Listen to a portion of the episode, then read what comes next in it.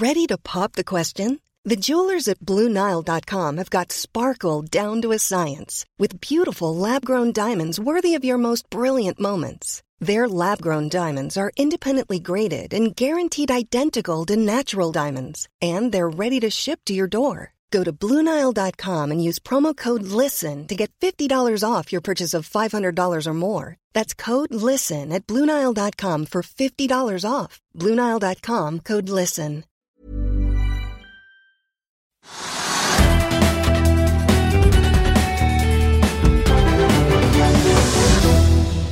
Andre kvartal var et turbulent kvartal, men ikke for oljefondet, som leverte rekordtall. Det var verdt eh, 9162 milliarder norske kroner ved utgangen av andre kvartal.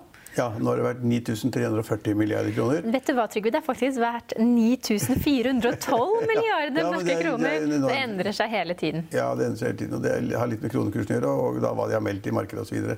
Men poenget er at fondet er kjempestort, det er en kjempesuksess, og de som jobber er kjempeflinke. Og så har de hatt litt flaks med kronekursen på toppen, og det gir deg en enorm avkastning, på, som da ble referert i innslaget her, da, på, i annet kvartal på 256 milliarder kroner. Eh, og det utgjør ca. 3 Det er ca. 3% avkastning på aksjene, så det er ca. 3 avkastning på, på pengemarkedspapirene sine. Og så har de et par prosent eh, avkastning på eiendomsporteføljen. eller noe sånt. da. Ja, og så er det også Det, var, det har jo vært fallende renter. Og, og ja, oljefondet, ja. Oljefondet har jo store investeringer i Ja, så når obligasjonsmarkedet. synker, så stiger obligasjonskursen, og det gir deg en avkastning som er rundt 3% i rentepapirer. Ja. Og det, er, og det er et ekstremt bra resultat. og liksom Verden kan jo se på det, sitere utlandet osv. Hvordan får vi det til? Og er, De er ganske gode og gjør, gjør de riktige tingene og er kjempelangsiktige. Men også under finanskrisen for ti år siden så benyttet de oljefondet til eh, anledningen til å kjøpe seg opp i en rekke aksjer som Ja, er- stupte, er- og har gjort det enormt bra. Ja, De er tøffe, for de har da sett at eh, markedene kollapser rundt omkring. og eh, Det er ille. Kursene faller. Og så har de da tro på visse sektorer. De, de har jo aksjer i er 9000 selskaper eller sånt, og det er vanvittig mye. En av verdens største investorer. Men da har de gått inn i markedene som da har krasjet, og tenkt at det, dette er et langsiktig perspektiv. Og oljefondet skal egentlig leve da evig. Og da kan de gå inn og handle, og det har de gjort. Og det har de tjent masse penger på. Og nå, nå har de også gjort det godt igjen. Altså, et tall som viser egentlig hvor mye penger de tjente i annet kvartal. De 256 milliarder kroner i et eneste kvartal. Vet du hva det tilsvarer? De samlede skatteinntektene på formue og inntekt i Norge på ett år. De samlede skatteinntektene på inntekt i et år. Så vi snakker om skattelettelser og skatteøkninger og, og, og formuesskatt osv. Så, videre, så er det altså da peanuts i forhold til hva vi driver med her i det hele tatt. Vi hørte jo hun også nevne, nevne i eh, den videoen vi akkurat så, at uro knyttet til global handel og økonomisk vekst dempet aksjeavkastningen i begynnelsen av kvartalet. Mens mot slutten av kvartalet, så- kvartalet så bidro utsikter til mer ekspansiv pengepolitikk eh, til at eh, oppgangen dro opp igjen. Ja. Så det, det var et volatilt, marked, nei, volatilt kvartal også for oljefondet, men gitt eh, Men de har på en måte et litt lengre perspektiv, så man kan liksom ikke se på oljefondet fra kvartal til kvartal egentlig, eller fra måned til måned. Men det som er er interessant, som har kommet akkurat melding om i dag, som ikke har kommet til norske medier ennå, det er det at Trump sender ut nye tweetsmeldinger hele tiden. Og nå har det kommet med melding da igjen hvor han angriper eh, sentralbanken Fed.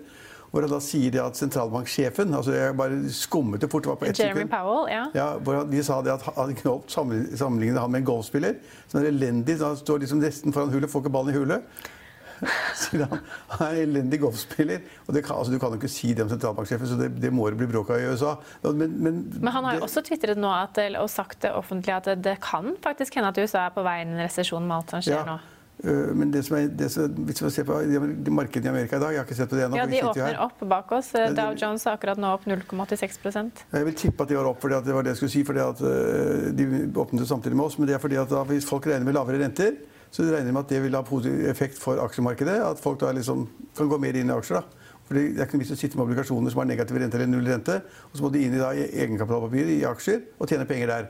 Tror jeg at markedet kan tenke. Og at jeg trodde også da for noen minutter siden, da jeg så den meldingen fra Amerika, at det ville være positivt for aksjemarkedet i dag. Og det er det også. Jeg så også at oljefondet fikk tilført eh, 6 milliarder kroner fra Finansdepartementet i friske oljekroner.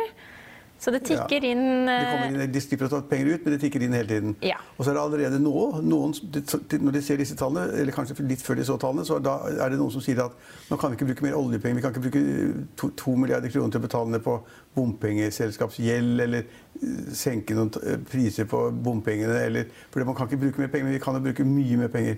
Altså, vi har satt av en regel som sier at i Norge først var det 4 Man skal ikke bruke mer enn 4% av realavkastningen. altså det som tilsvarer realavkastningen. Og nå er det 3 så Nå kan vi da bruke 3 ganger 29, nå kan vi bruke nærmere 300 milliarder kroner i, i budsjettene i henhold til reglene som Stortinget har fastsatt. De fleste mennesker mener at de har altfor mye penger. Altså, det mener ikke jeg. Hvis vi har gode formål, enten investeringer i infrastruktur eller hva som er i Norge, så kan vi bruke mer oljepenger. For vi har plassert pengene våre i oljeformuen. Da må vi også kunne bruke avkastningen av den. Og det er ikke slik at alle pengene skal brukes av dine, barne, dine barnebarn. Nei. Nei. Eh, det er en stund til eh, mine barnebarn, barn, ja, barnebarns barnebarn. Ja, Men de skal ikke bruke Men, men at de fortsatt kommer til å ha penger igjen i oljefondet, det er det vel ingen av oss som er urolig for? Nei, altså det er med det, nå er det blitt så stort at det er nesten Man, slags, man kan også tenke seg, altså Som porteføljeforvalter kan man tenke seg at oljefondet da får verden imot seg, at alle børsene i verden faller 20-40% men det kan vi leve med, for at det er nok igjen. Nok avkastning på det resterende er stor nok til å kunne gi deg en del penger inn i statsbudsjettet til å dekke velferdsstaten.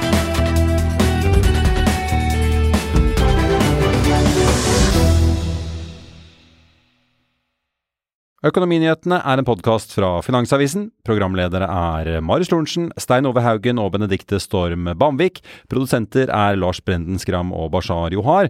Og ansvarlig redaktør er Trygve Hegnar.